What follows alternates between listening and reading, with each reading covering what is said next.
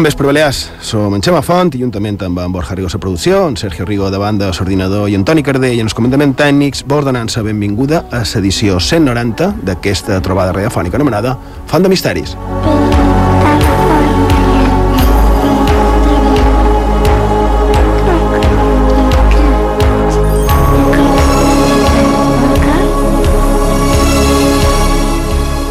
Bé, aquesta setmana ha estat el Dia Internacional de la Nina, que això de, del dia d'una cosa d'una altra vegada ens pot semblar una miqueta, si me permeteu, una miqueta un doi. Però aquest no. Aquest és un dia creat per Nacions Unides per donar llum a la terrible situació eh, que encara a dia d'avui pateixen arreu del món milions de nins, però especialment, especialment i amb més intensitat, nines. Mm? Estem parlant d'esclavitud, de sablació, desplaçaments forçosos per catàstrofes o, o bé conflictes armats, matrimonis forçats, violacions, desigualtat, marginació, etc etc. Per això volem fer, fer ressò de les paraules d'Irina Bokova, que és la directora general de la UNESCO, i no entrarem en, en la polèmica, no?, aquesta darrere de la UNESCO. No entrarem en això només, les paraules de la directora general. Cap societat florirà ni els acords de pau seran permanents si no s'empodera ses nines en la consolidació de la pau i la reconstrucció. Ha arribat el moment de situar aquest imperatiu al centre de tota la nostra labor destinada a fer front a la fragilitat, els conflictes i la violència.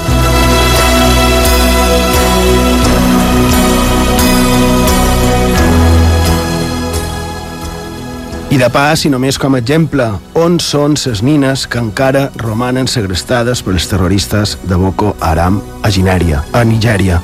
Han passat tres anys.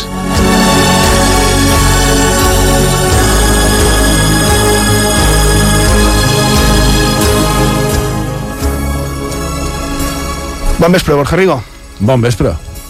A part d'això, bé? Bé, sí que és cert que això que comentaves fa un moment és un tema molt terrible, un tema molt fosc i que sense dubte pens que fa més fa més por que els propis misteris en si.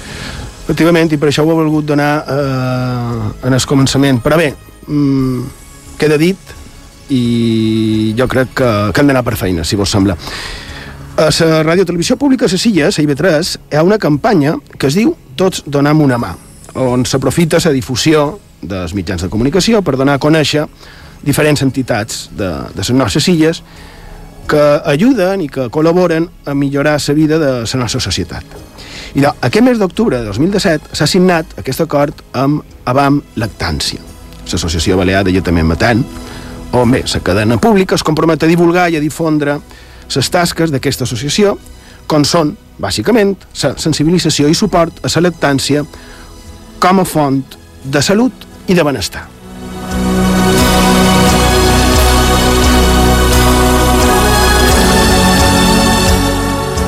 I aquesta associació té com a finalitats rebre consultes damunt del tema de la lactància per d'una manera eh, personal i, i també individualitzada, resoldre dubtes i dificultats, a més també de compartir vivències i experiències. Així que aprofitam que si ets mare o has de ser o creus que ho seràs, estaria bé posar-se en contacte amb aquesta associació, du en marxa des de l'any 1998, que està a les illes amb aquestes tasques i tenen a més un recolzament 24 hores.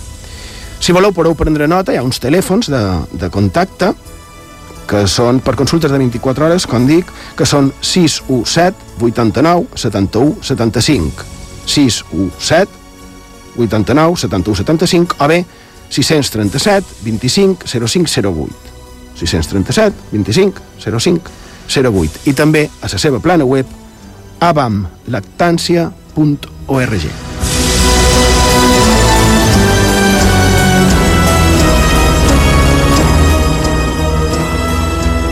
I clar, càmeres de font de misteri són com som, quan se'n vàrem assabentar que estava previst fer aquest mes campanya de recolzament i difusió d'aquesta associació, eh, que, com dic, es dedica a promoure una cosa tan, tan evident no? i tan bàsica com l'alletament matant, i de, ho podeu imaginar, aquests tres friquis, vàrem començar a parlar-ne, el cap se'ns va anar directament a la gran quantitat de coses que tenim a les nostres illes relacionades amb el tema de, de salletament. I el tema de salletament relacionat, evidentment, amb el nostre programa. Així que, encara que ho tenim a Sergi ho tenim bastant clar, bon vespre. Bon vespre, Xema. Però podries anar fent sumari del que farem. I en aquesta nit de dissabte, a Font de Misteris, xerrem dels animes en el voltant de la lactància. Coneixerem llegendes i històries relacionats amb aquest tema a les nostres illes. A més a més, com sempre, repassarem l'actualitat de la Setmana Món Diversos i llegirem els missatges de soients a la part de xarxes socials. I com sempre, ja sabeu, ens podeu enviar els vostres missatges tant a Facebook com a Twitter cercant Font de Misteris i emprant l'etiqueta Font de Misteris i 3 També en el WhatsApp del programa, els números 659 1669 52. Ho repetim, 659 9 16 69 52. També en el correu electrònic fontdemisteris arroba ib3radio.com fontdemisteris arroba ib3radio.com i també vos recordam que ens podeu, podeu escoltar tots els nostres programes en el servei a la carta d'IB3 a ib3radio.com a ivox.com i a fontdemisteris.com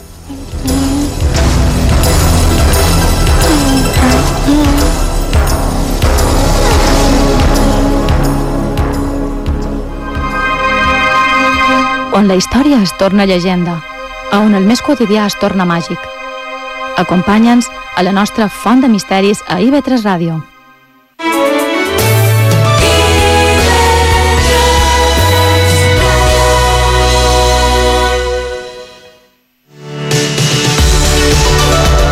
Són temps incerts, per això és necessari conèixer les coses que passen i comprendre per què passen. Cada cap vespre et proposam 3 hores de ràdio en directe, on l'actualitat, la reflexió i les idees es combinen amb la ironia, veus plurals i mirades personals. I el tram de Els entusiastes resseguim tota l'actualitat cultural. T'apuntes a passar el cap vespre amb nosaltres? De dilluns a divendres de 3 a 6, múltiples, a IB3 Ràdio, amb Sergi Marcos. IB3 Ràdio. La ràdio pública de les Illes Balears. A Eivissa i Formentera, 93.7.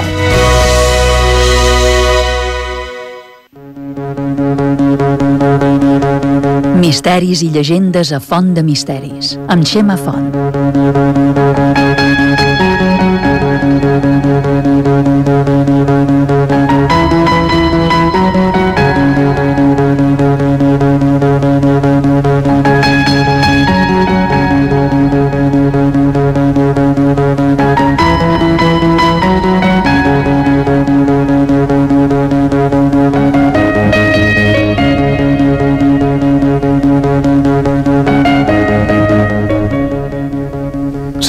Font de Misteris, a la sintonia d'IV3 Ràdio, la ràdio pública de les Illes Balears. A les Pitiuses mos podeu escoltant el 93.7 de la freqüència modulada.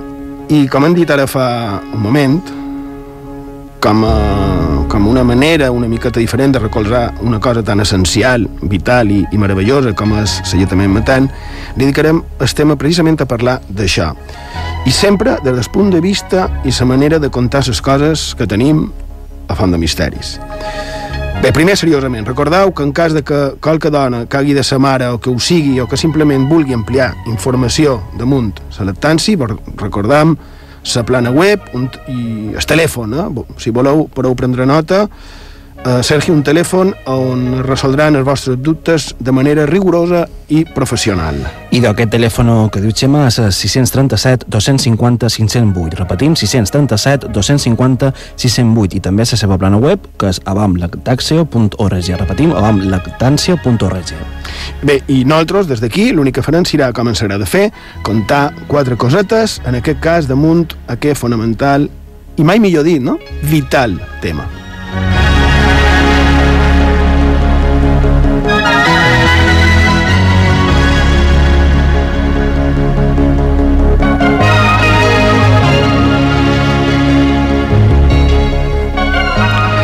Mira, avui en sona o en s'hauria de sonar com el més natural del món, però està clar que no deu ser quan fa falta que s'hagin de promocionar no? associacions de lletament. Però fixem-nos en la importància del fet en si mateix, si és important la lactància i les seves representacions. Que, per cert, parlant de representacions i lactants, tenim una llegenda tràgica i supos que, que vella, no? si, si un és creient, que comença precisament per aquest fet, la normalitat del fet de la lactància, i això des de ben antic.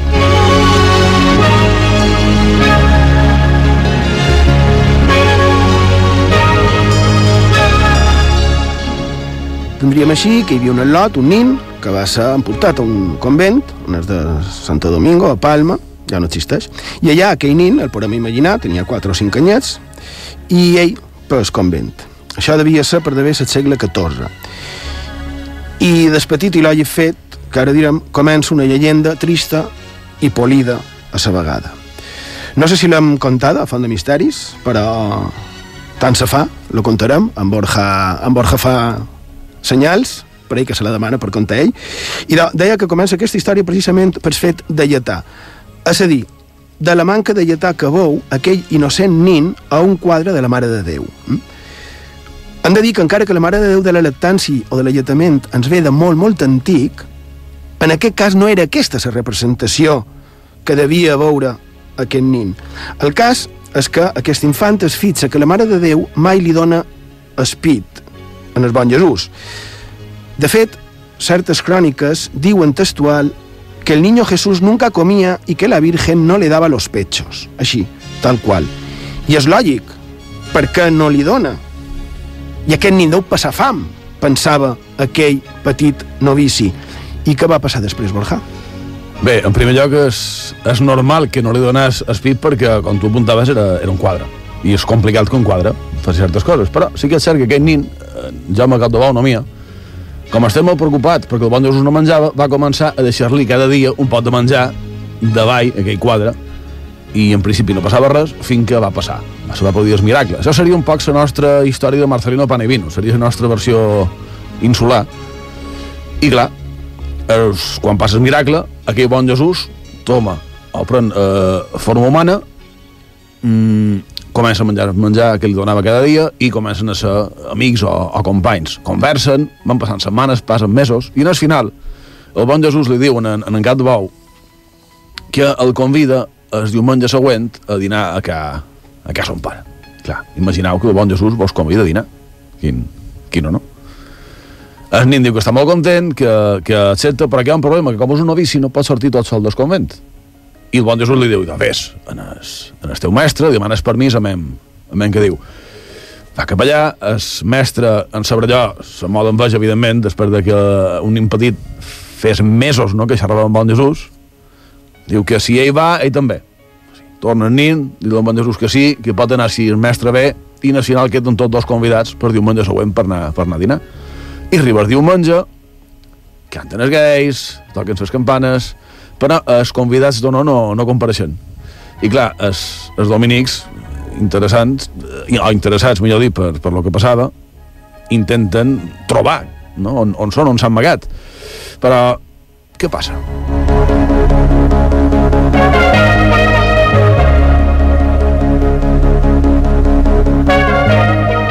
I el que passa és que, com vos de, no compareixen. I al final van a cercar-los dins les seves cambres, les seves habitacions, i se troben, efectivament, morts i amb un somriure en el rostre, és a dir, efectivament havien estat convidats a, a la casa d'espara.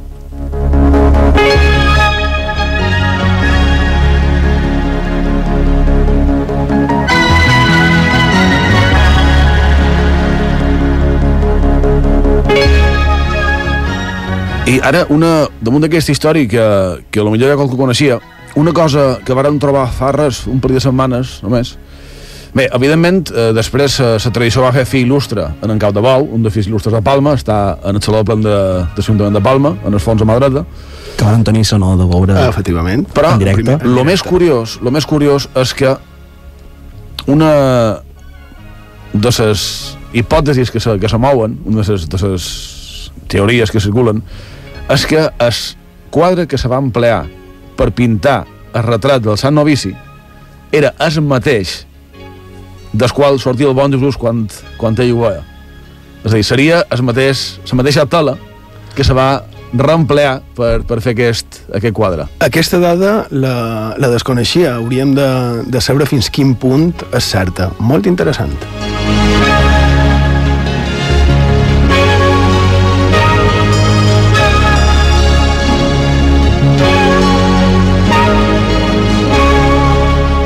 Bé, ja que estem amb infants petits, amb, amb nins, eh, en Jaume Capdebou, que són a mi així, va ser deixat a un convent, però, però hi havia, clar, altres opcions per als infants que per, per la raó que fos no podien ser mantinguts per la família. En el cas seu era per temes de pesta. Ens atracam uns segles i trobant que l'arxiduc, l'arxiduc i Salvador, ens conta que a ser inclusa la casa d'espòsits, que també es deia, a dir, l'orfanat, bé, es deia espòsits perquè ja es deixaven esposats els nins que per les circumstàncies que fos eren abandonats. I d'aquí, per cert, l'antic origen del llinatge expòsito, eh? perquè quan no es coneixien els seus llinatges vertaders, eh, se li posava aquest expòsito, que també, vaja, quina mala bava, no? perquè ja tenien l'estima de per vida. I de, aquesta institució, la que fa, la que fa referència a l'arxiduc, bé, eren moltes, es varen canviar de lloc i de nom, i l'arxiduc ens fa una petita història d'aquestes cases de beneficència, en les descriu, les ubica i continua amb el que volíem dir. Perquè, clar, antigament, quan no hi havia laboratoris per fer de manera artificial una mena de llet per substituir eh, a la llet materna, s'havia de recórrer a una figura que cobrava uns dobbers, uns sous, per dur a terme una feina. I me va cridar l'atenció que deia l'arxiduc, estem parlant de darrera meitat del segle XIX, que era freqüent que ses que lletaven els infantons, ses nodrisses, acabessin per adoptar-los. I no era per seguir cobrant, perquè la casa beneficianci només cobria els set primers anys, perquè després anaven a una altra, com per exemple la casa de Misericòrdia, no? tan coneguda a Palma. I me va cridar l'atenció perquè, clar, solien ser persones pobres ses que se dedicaven a donar espit en els orfes, no? I diu l'arxiduc, lo cierto es que ha habido siempre mujeres que, a pesar de su pobreza, se han dedicado con todo amor y sacrificio a los pequeños que les han sido confiados.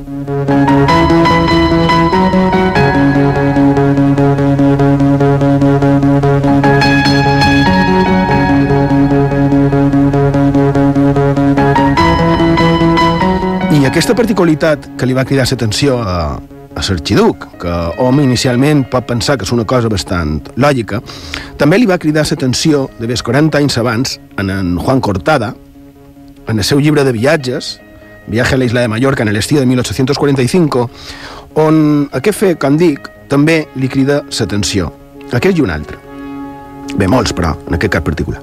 Ens han de posar en situació. Eh? 1845, mitjans del segle XIX, i què passava quan qualcú tenia un infant que no volia tenir-ho? A dia d'avui surten les notícies de tant en tant, massa sovint en qualsevol cas, troballa les garrifoses. No? I aquí, a les nostres illes, ens diu aquest autor, aquí hay pasiones y hay deslices consiguientes a ellas, pero se ignoran todavía los infames medios de burlar los resultados de esos deslices. Y si no se ignoran, falta per perversidad para ponerlos en práctica. La joven que no sabe librarse de los lazos de la seducción es madre y lleva a su hijo a la casa de expósitos. El infanticidio és aquí un delito casi desconocido. I després ens diu el mateix que va dir l'arxiduc 50 anys després, no? que moltes de les seves nodrisses, de les seves eh? un pic haurien de tornar a la criatura a l'orfanat, optaven per quedar-se'n.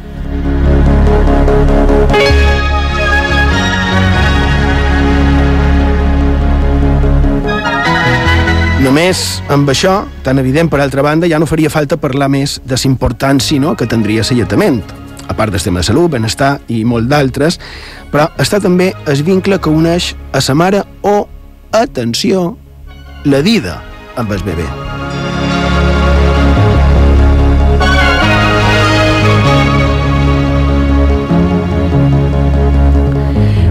Entram així amb una figura interessant i jo crec que gairebé desconeguda i més per jovent. Tenim Sergio Rigo, bon vespre. Hola, bon vespre. Uh, con jovent que és... Sí. Uh, saps ben bé que és una dida? He sentit el nom, però sí que no sé molt bé... No sabries exactament com, Com ubicar-la.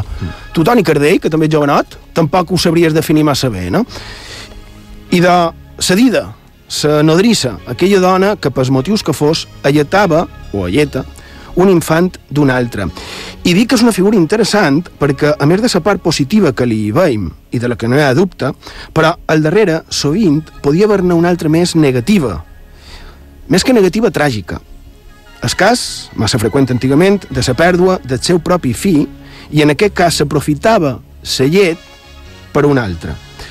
Però n'hi havia una altra que podríem dir que és encara més negativa. Seria aquella dona que havia de lletar a un altre infant en lloc del seu i ho havia de fer per exigència d'un tercer.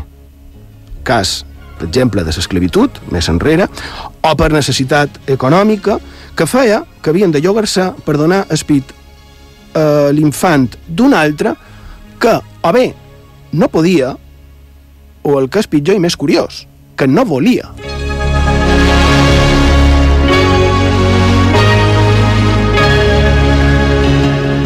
Referit a això de dones que podien però no volien alletar els seus infants i els hi donaven adides, eh, per no haver de fer-ho elles i, i així deixar de tenir llet en els pits, s'excusaven dient que ho feien perquè, clar, si no, no podien dur a terme les seves funcions públiques o, o socials, no? I també, això també me sembla el manco jo del tot ridícul, per no, deien, desgraciar la seva figura. No?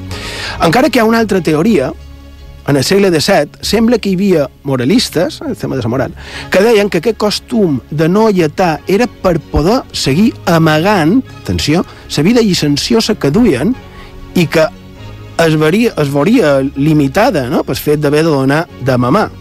És a dir, estiria estesa l'opinió de que no ho feien per poder tenir més llibertat, ja m'enteneu.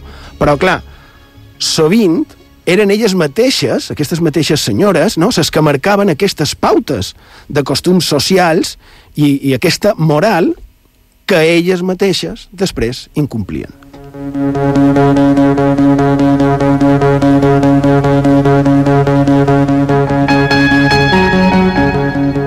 Així que li donaven una altra persona cedida que aquesta sí que no podia tenir relacions, és a dir, no podia llaure amb el seu marit. Si el podia veure, estar amb ell, fins i tot li paraven taula a casa dels senyors, però no podia llaure amb el didot. Eh? El didot és somo de cedida. Damunt de tot això hi ha una de les narracions d'en Salvador Galmés, és molt curta, titulada La Dida, tràgica, però clarificadora, i que ens mostra el terrible que era per una dona amb el seu infant propi haver de lletar a una altra, veient-se obligada a deixar en el seu de banda. Bé, això serien, lògicament, històries d'un temps.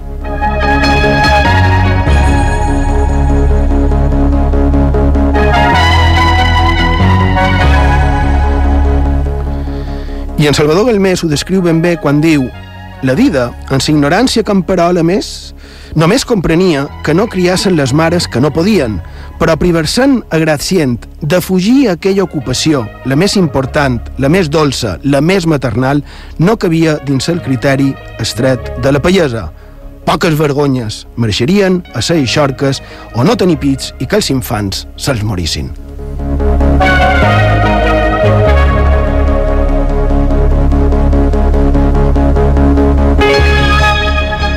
Sí, mares que abandonaven la lactància materna a les nostres illes. Imagina que altres bandes també, clar.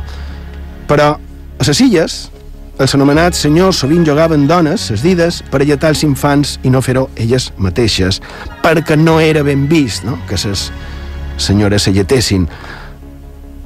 A part del que he dit abans, podríem afegir també que no estava com a de moda i, i es devien sentir més, no sé com dir-ho, més guais, no és que no sé com dir-ho.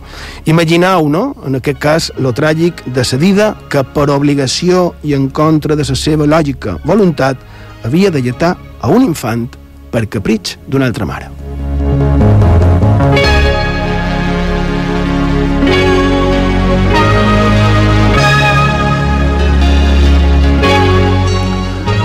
Una altra cosa seria quan són altres els motius, tant d'una com de l'altra, eh? quan són d'un altre caire, és a dir, els motius de sa mare per no alletar o de cedida per llogar-se.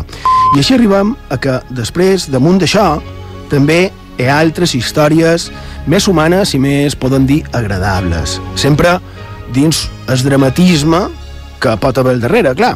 Com, per exemple, una que conec de ben a prop, un cas entre molt d'altres, és només un exemple en nom i llinatges, en Miquel Llull, el restaurador de mobles. I de, quan ell va néixer, la seva mare estava malalta. Es pensaven que podia ser un càncer o qualque cosa semblant. Els metges desaconsellaven de totes totes que alletés en els seus infants. Aquella dona va estar de més 20 anys malalta fins que li trobaren eh, el que tenia. El cas és que, mentrestant, el seu fill, clar, havia de ser alimentat. A la vegada que això passava, a Manacor, una dona jove havia perdut en el seu primer fill. Així que, per mort d'una terrible causa, però aquella dona tenia llet, així que ella va alletar en en Miquel. Fins aquí un cas més. Però és curiós el vincle, el vincle que s'establí entre aquell nin i aquella senyora, cedida. Fins al punt que, per exemple, en Miquel, de jove, jo crec que ara ja en aquestes alçades se pot dir, fugia de casa seva per tal d'anar de Palma fins a Manacor a visitar a la seva dida. Un vincle aquest que es va mantenir fins que cedida, a la que ell considerava i considera la seva segona mare, va morir ja ben major. Una dida, jo personalment la vaig conèixer, i a més la record, la record perfectament, i record també com ja, ja dic que de ben major, mirava amb aquells ullets en el seu fill de llet, no? Aquella dona que va ser part de la família d'en Miquel i en Miquel de la seva, no? I encara a dia d'avui ho és en la resta de la família, és a dir, amb els que són els seus germans de llet. I de, tenim amb aquest un exemple del vincle real i que fàcilment es pot establir amb un fet tan normal com l'alletament matern.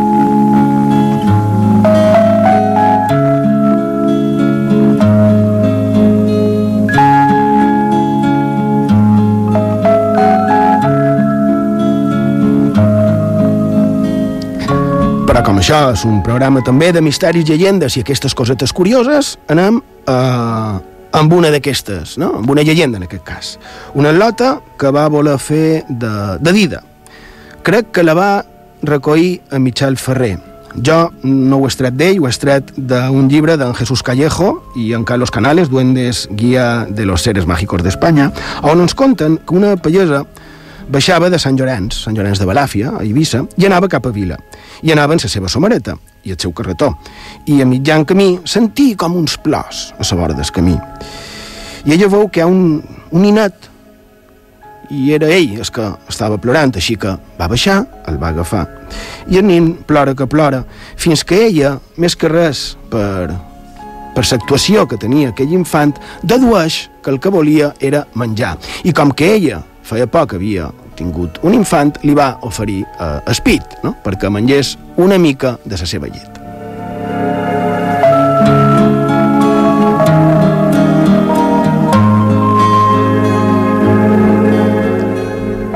Però sorprenentment aquell nadó tenia com a massa perícia, no? I a més mossegava els mugrons. Així que ella li va explorar la boqueta, no fos que tingués una cosa estranya.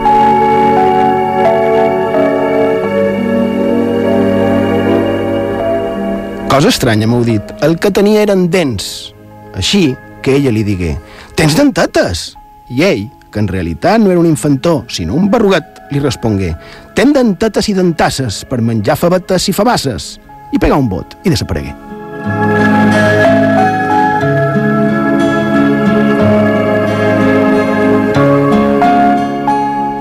Les pitiuses i els seus sempre fascinants barrugats.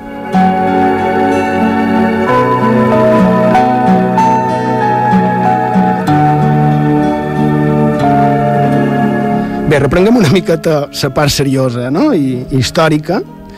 Uh, ho hem dit en el començament amb el Sant Novici que ha contat en, en Borja, però sabíeu que hi ha una representació de la Mare de Déu que es diu de la lactància o de la llet o noms semblants?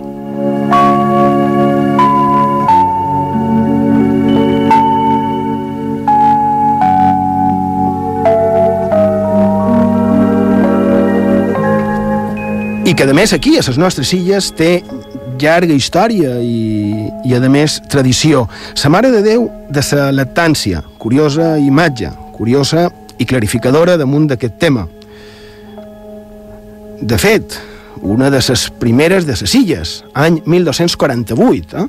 a Llumajor, on sembla que hi havia una capella dedicada precisament a aquesta Mare de Déu. Però el que més m'ha cridat l'atenció Bé, allò, i m'imagino encara altres quan, quan ho expliquem, una representació un quadre. La imatge és Sant Bernat de Claravall. Aquest sant has tingut, eh, encara que no ho sigui, però se té com a fundador, sí que és promotor, no? però no és fundador de l'ordre del Cister, un ordre també molt important dins la nostra història. El cas és que quan arribaren l'any 1229 les hosts de Jaume I i es feren en les illes, eh, a la fortificació de Gomara, a Palma, on hi havia una altra almudaina, i d'allà, on són ara actualment les cases del temple, i d'allà s'establiren els templers, els quals tenien com una mena d'exemple en aquest Bernat de, de Claravall, que va ser el que dictar les normes o regles templeres. I més o manco, d'abans de finalitzar el segle XIII, eh, tenim en el Museu de Mallorca una pintura que ens representa en aquest sant. Fins aquí perfecte. I per què ho deim? Perquè hi ha una imatge molt curiosa. Es veu en el sant de genolls, pregant, i una dona dreta davant d'ell que representa la Mare de Déu amb un pit fora del qual li surt un rai de llet que va caure directament dins la boca del sant. Eh? I a més aquesta pintura sembla que la primera d'Europa i pot ser que per tant del món, que representa en aquest sant, i també diuen que és l'obra de pintura medieval mallorquina més antiga que el manco que es conservi. No? I doncs no, no hem d'oblidar, no hem de deixar de banda que aquesta pintura és de més l'any 1290, és a dir, té més de 700 anys, i es veu a la Mare de Déu alletant amb espit fora en el sant que està a certa distància. No? L'autor, segons es diu el recentment desaparegut pare Part, en el seu primer volum de la pintura medieval mallorquina, i de l'autor no sap ben bé qui és, però el que ens importa és, a nosaltres, és el que ha representat. No? Una Mare de Déu alletant a Sant Bernat.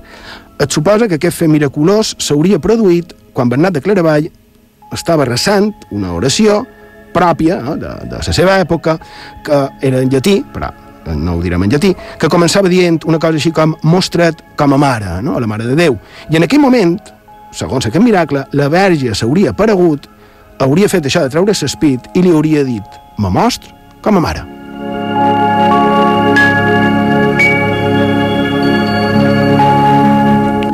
Et suposa que l'alegoria d'aquest fet miraculós i que tal vegada ens sorprèn és que Sant Bernat hauria begut directament de la Mare de Déu per inspirar-se per fer els seus escrits i la seva obra.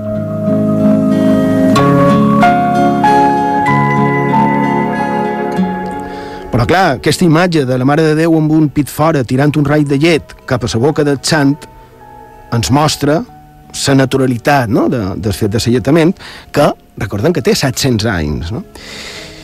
I bé, també ha qui som, ha qui som. Les altres representacions dins d'aquest retaule també són increïblement sorprenents, perquè a part de la Mare de Déu donant llet en el sant, hi ha una representació d'un exorcisme i també de la visió que va tenir un bisbe santificat, que darrerament s'ha fet molt conegut, aquell famós profeta damunt del papes, en Sant Malaquias, que per cert, segons ell, la fi del món està molt a prop.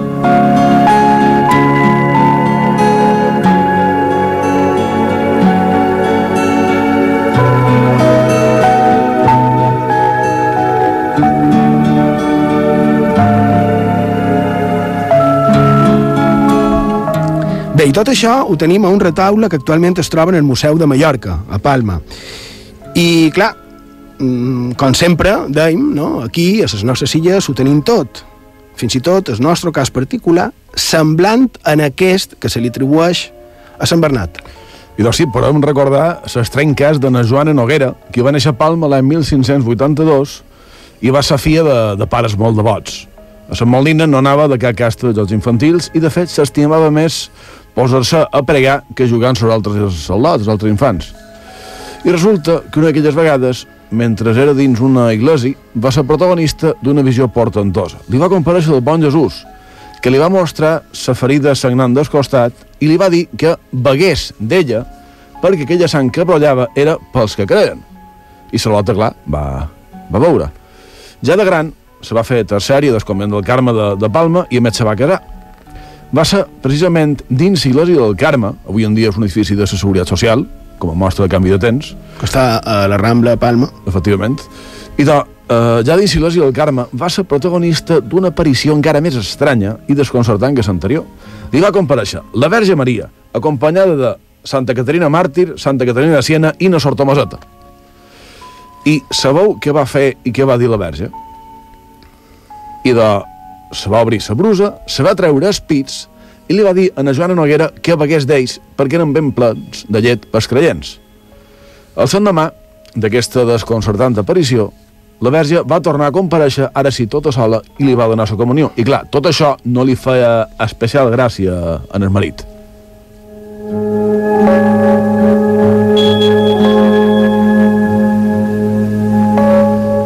per si fos poc, aquesta bona senyora, no Joana Noguera, va tenir durant tota la seva vida constants bregues i disputes amb el dimoni. Però bé, això és un altre, un altre tema. Sí, mm, deixa't anar, deixa't anar. És, és curiosa, no? I jo crec que desconeguda, també, la representació i devoció de la Mare de Déu de, de la lactància. I no és l'única, a més, que hi ha a les nostres illes, n'hi ha d'altres.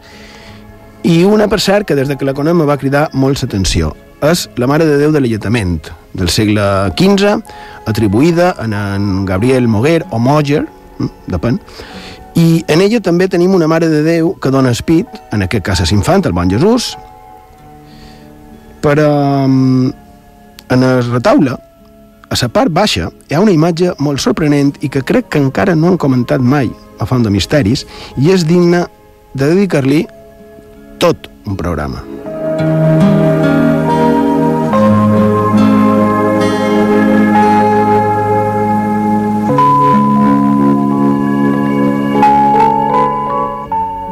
Fa un grapat d'anys, uns amics me van demanar si podria anar a Campos d'Esport, a Mallorca, que són on, on tenen la parròquia amb aquest retaule, per fer una foto per a un programa de, de televisió. Un dia contaré la història d'aquestes fotos.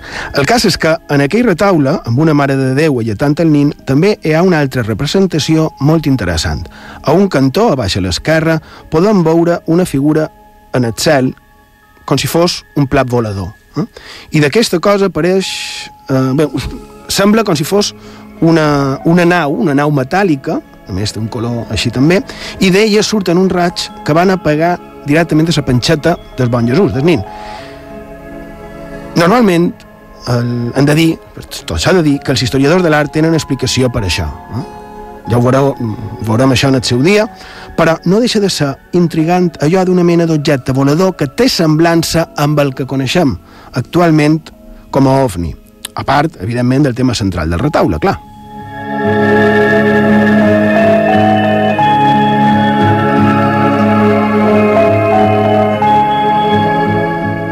I malgrat tenir tantes Mare de Déu representades a tant, ja sigui en Esnin, a Sant Bernat o, o qui sigui, la figura triada com a patrona eh, de, de quan se feien aquestes coses dels patronatges, del fet de lletar i, i de tot allò relacionat amb els pits no és cap verge, sinó que seria una santa. Santa Àgueda, patrona dels lactants i de les embarassades, i també d'altres col·lectius, fins i tot hi ha qui diu que per extensió també de les dones. I què tenim damunt d'això, Borja? I doncs tenim una altra curiositat una mica relacionada amb el tema d'avui que mos du a, a Sencelles, a Mallorca. Allà tenen com a patrona a Santa Àgueda, que, segons la tradició, els va salvar d'una gran sequera d'haver l'any 1480.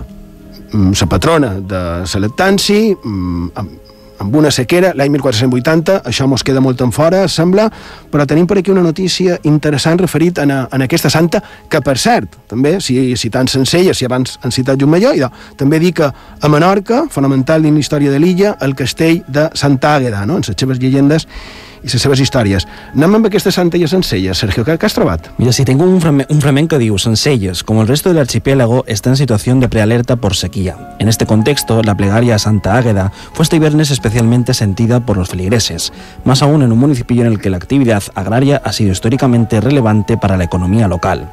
Se pregunta següent. De quan penseu que és aquesta? Pareix es tracta, per exemple, d'obres antigues com el Cronicon d'en Campaner. Sí, i a més, en, en Borja ha dit de, que se va fer l'any 1480, no? I no, no. Resulta que és de febrer de 2016 i va ser publicada per el diari Última Hora. És a dir, que a dia d'avui encara resta aquesta costum d'invocar sants per la pluja. Bé, és, és, és molt curiós, no me digueu. Tornem en el tema, que per cert, Santa Àgueda o Santa Àgata, eh? que crec que és, és, és igual dir un que, que l'altre, cadascú té, té el seu nom. I doncs en, en primer lloc, qui va ser en, en Santa Àgueda? i de va ser una dona cristiana que va viure al segle III i que, com tant de cristians d'aquells dies, va ser condenada a mort per les seves creences. De fet, com va rebutjar a un procònsul sicilià, primerament, i és curiós, la varen torturar, té el Lee Spitz. Eh, ella, en lloc de lamentar-se, li va dir al seu torturador cruel tirà, no te fa vergonya torturar una dona el mateix si en què de nin te van alimentar? És, és curiós. Després va tenir una visió a la que compareixia Sant Pere i li va curar aquelles terribles ferides. Finalment va ser tirada damunt carbons encesos i arrossegada per terra i va morir. La qüestió és que allà sense ella se guarden qualque relíquia d'aquesta santa i que eh, és la patrona del precisament, com dèiem fa moment, per haver-la salvat de, de la ceguera. Per cert, també com a curiositat, no poden deixar de comentar que tan gran ha estat la veneració i tradició d'aquesta santa a les nostres terres que tenim fins i tot una recepta dolça, que són ses mamelles de, de Santa Àgueda, que a Menorca, a banda del Castell, està ben documentada des de principis del segle XVIII.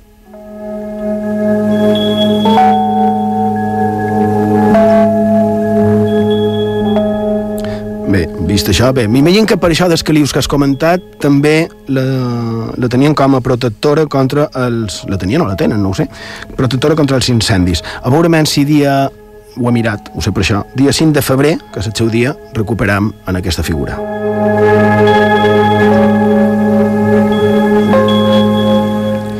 I parlant de recuperar, mmm, crec que per una altra edició podem recuperar aquest tema, perquè com sol passar queda molt per dir. Per exemple, sabíeu que tenim un potet en llet de la Mare de Déu a les nostres illes? O que hi ha rèptils condemnats a, part, eh, a patir tota l'eternitat per culpa precisament de l'alletament, o que les serps hi ha qui diu que poden robar la llet a les mares i coses més fastigoses. Bé, segons com, una altra setmana continuarem amb aquest tema.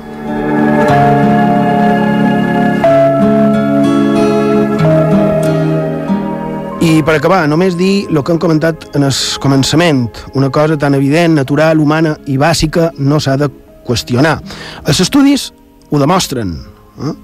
Fins i tot un estudi que, que vaig veure no sé on, la veritat és que no ho record, va ser preparant el programa aquesta setmana, en el segle XIX cridava l'atenció la baixa mortalitat infantil que hi havia a Menorca comparativament. I sabeu per què sembla que era? I de perselletament i la manera que es duia a terme a la nostra Menorca. Mirau si és important i fonamental, i a més ho ha estat sempre.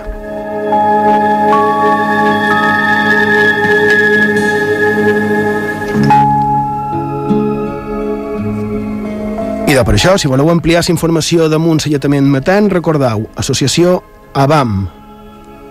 Com es pot eh, prou per, agafar no, per prendre nota, qui vulgui contactar amb elles, Sergio, per aclarir dubtes i saber-ne més d'una manera, ara sí, seriosa, professional, etc. Eh? D'una manera eh, com ha de ser. Nosaltres simplement hem contat quatre historietes de manera anecdòtica i legendària. Res més, Sergio. I dos número de contactes 637 250 508, repetint 637 250 508 i també a la plana web abamlactància.org abamlactància.org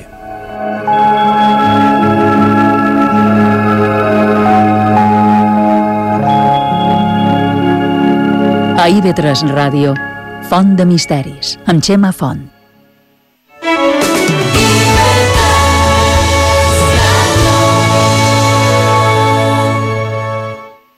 Cada dia, a l'informatiu matí, Cada dia, 10, uh, cada dia, uh, mira, mira, mira, però bon. de dilluns a divendres, quan manquen 5 minuts per les 9, No me'n vaig, soc qui torna. arriba la Picolíssima. Exactamente. Una secció adaptada a les noves tecnologies Sígueme en Twitter, Twitter, Facebook. Sígueme en Instagram. i de solvència contrastada. De bon de veres. A casa de la Picolíssima són uns cracs. ja sou un cracs. Sí, jo crec que és un bunyol. En español, por favor. Buñuelo. Es la mezcla más curiosa de amor y odio que he tenido el privilegio de contemplar. La Picolíssima, M'encanta. a l'informatiu matí d'IV3 Ràdio. És que vos agrada, que vos agrada vendre motos. Yes.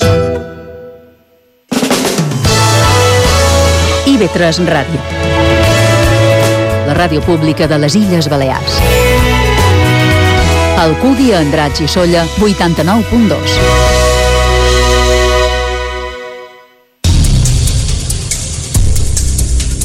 Misteris i llegendes a Font de Misteris, amb Xema Font.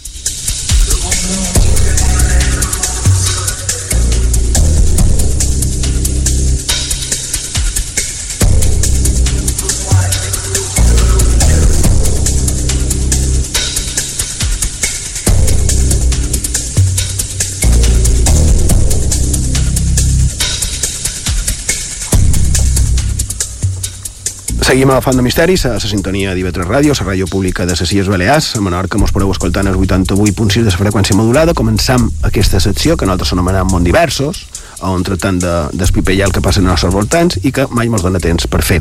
Hi havia una que feia temps que la volíem comentar i no vull que d'avui passi per una relació d'aquestes meves d'escapat. Es tracta d'un escriptor que va parlar també de la nostra terra, va parlar de Mallorca, va parlar també de Formentera, i que de tant en tant torna a sortir, no?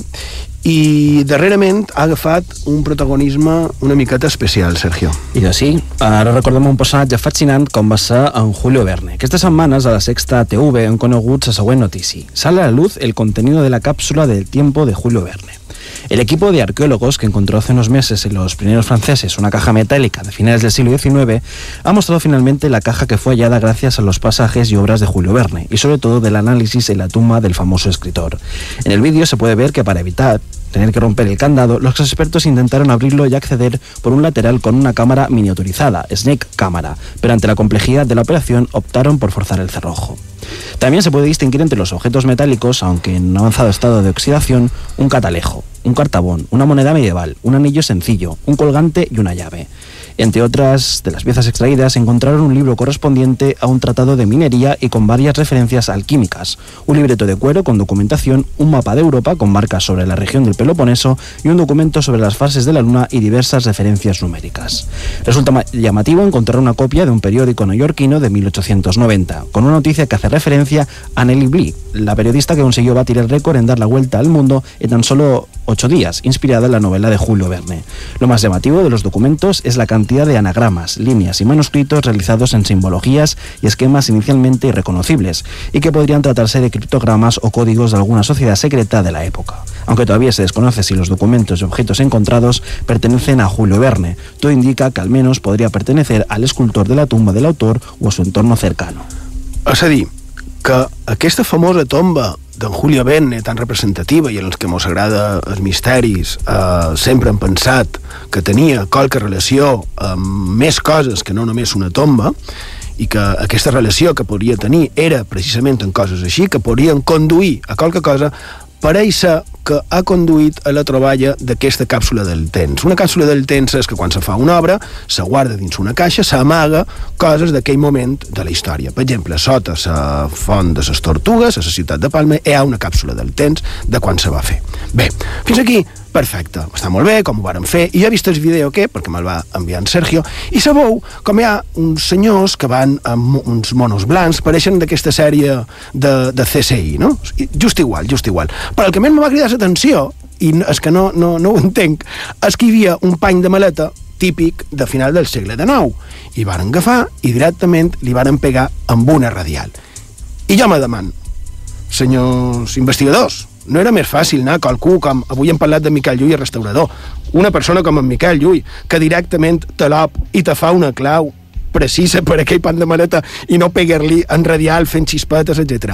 A part d'aquesta anècdota, eh, Borja, jo crec que això convida a, a seguir somiant que hi ha moltes coses encara per descobrir, no? Com que la tomba d'en Verne hagi conduït a una càpsula del temps. Convida sense dubte, i a més és curiós el punt que feia de que aquests criptogrames podrien pertany a qualque societat secreta.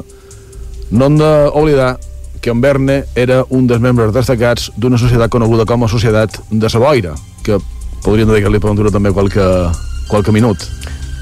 Has parlat de societats secretes, no? Efectivament. Tenim un altre tema.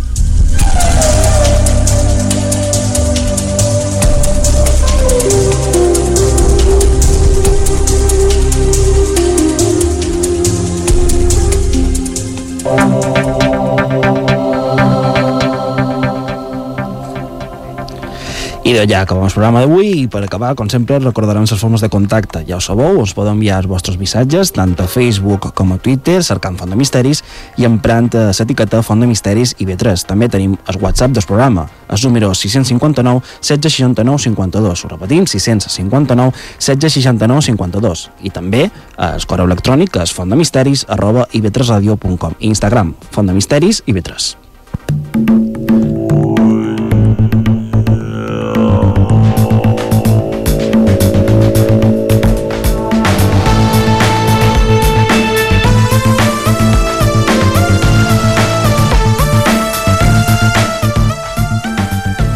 I d'hem arribat a la fi del programa d'avui. Esperem que hagueu passat una estona agradable i que hagueu pogut treure qualque cosa de profit d'aquesta font de misteris. I avui hem parlat d'aquella figura de la Dida, unes dones que, per motiu que fos, havien de dedicar-se a criar infants que, eren, que no eren els seus i sovint, precisament, a costa dels seus propis. No? Terrible quan era per obligació. Altres també ho feien de manera desinteressada, perquè tenien llet a prou per un parell. I fixeu-vos, quanta gent no haurà estat surada per aquelles dones desconegudes que, a més, s'havien de cuidar per poder dur a terme la seva missió, una missió fonamental quan encara no hi havia laboratoris que fessin aquell sucedani de llet materna. Han contat el cas de Miquel Llull, surat per una dida que es va dedicar en cos i ànima, fins al punt que aquell nin de la postguerra espanyola, sent un bebè, això no ho he contat, i de, va tenir una malaltia. I li digueren a Sedida que no s'esforcés, perquè tanmateix el nin moriria. I ella, amb aplom i fermesa, es va negar. Va dir que ja se li havia mort un fill i que no deixaria morir-ne a un altre, en el seu estimat fill de llet. No? I va tenir raó. El va surar a ell també amb esforç en els seus propis. I d'avui volem retre el petit homenatge no, a totes les dones que en la seva negació i la seva lluita diària ajuden a fer realitat tants i tants de miracles. Cadascú segur que té en el cap, com a mínim, a una d'elles. I bé, avui, per acomiadar-nos, una preciosa llegenda popular musicalitzada en la maestria dels Vicencs Uc, la Dida. Hagi Pau, bona nit, gràcies per la vostra companyia i fins la setmana que ve.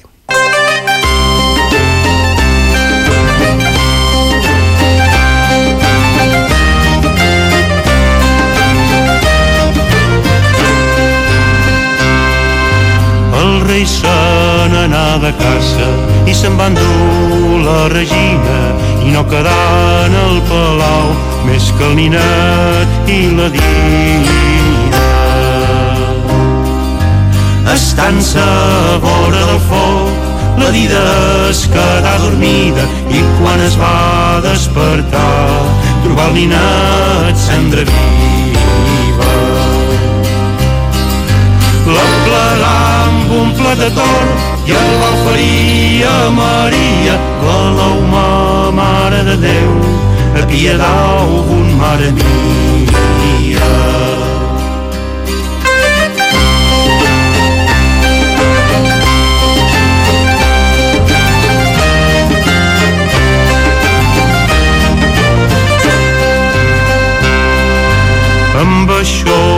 Ja torna el rei, ai que té la meua dida, digueu-me dida que teniu, ai que hi estàu tan afegida.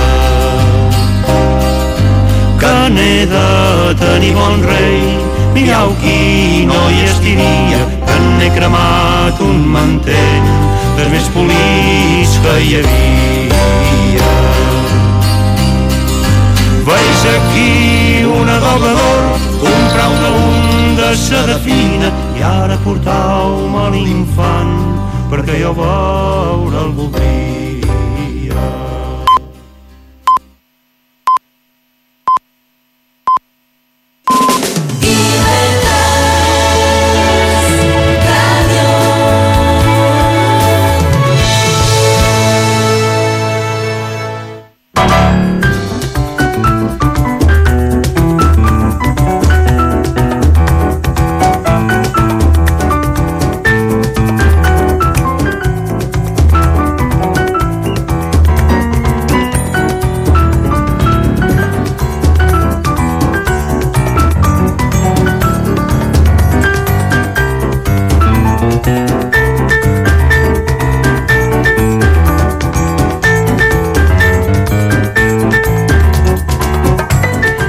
Us farem venir gana. Sabem que ja no són hores, però ha vingut així. Encetarem el cap de setmana de la Gran Vida parlant del plaer del bon menjar, del plaer de saber que allò que menges surt de la terra i no d'un laboratori, del plaer de descobrir el gust que té un tomàtic, de sentir entre les dents el cruixir d'un pa atobat poques hores abans.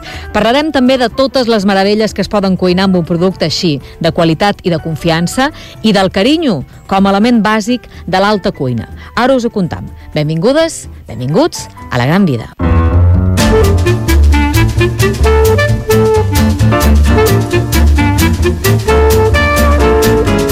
Avui a la Gran Vida anem a comprar al Mercat Ecològic.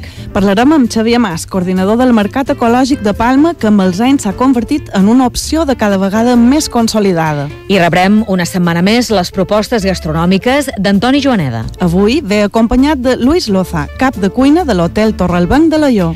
I acabarem amb la secció literària de Josep Maria Nadal Suau. Avui ens parlarà de Belén Gopegui i de la seva novel·la Quédate este dia y esta noche conmigo. I ho farem a més acompanyats d'un dels lectors illencs més fidels a l'autora, el fotògraf Miquel Julià. La gran vida. Propostes que ens ajuden a viure. No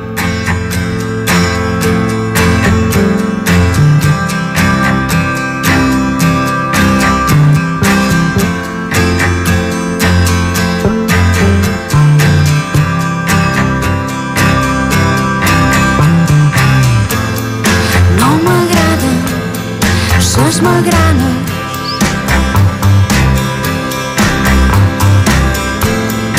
ni ses jaquetes girades cada home cada dona i en els peus del món vora mot sa cara. Cada home Des de fa 8 anys, el Mercat Ecològic de Palma s'instal·la cada dimarts i cada dissabte al matí a la plaça Bisbe Berenguer de Palau, o més coneguda com la plaça dels Patins, de Palma, i reuneix a més de 15 pagesos que posen a la venda la seva fruita, verdura, llavors, llegums i altres productes locals, sota la certesa que una altra agricultura és possible. Nascuts de la mà de l'associació Lligams, juntament amb l'Associació de Varietats Locals i APAMA, Associació de Producció Ecològica Agrària de Mallorca, el mercat ofereix els seus productes a tot aquell conjunt de la població que vol introduir un canvi en la seva alimentació i en la seva manera de comprar. Per a parlar-nos-en ens acompanya avui Xavier Mas. Benvingut a la Gran Vida, Xavier. Moltes gràcies. Gràcies per acompanyar-nos avui vespre. Gràcies a vosaltres. Xavier, el Mercat Ecològic de Palma va néixer l'any 2010 i amb els anys ha anat consolidant tant el seu lloc com també el seu, el seu públic. Com ha canviat el mercat en aquests 8 anys? Home, eh, sobretot ha estat eh, els, els primers anys que era que la gent hi anava i no, i no, i no sabien els placers exactament si tindrien bona rebuda. Mm. Els primers anys varen costar, hi anaven, hi anaven un poc a cegues, però a partir ja del segon i tercer any i a poc a poc fins ara s'ha consolidat molt, molta clientela, perquè és un, és, un des, eh, és el mercat únic de Palma on pot trobar producte fresc de temporada i en certificació ecològica i tot venut per placers que a la vegada són productors. Mm, la consolidació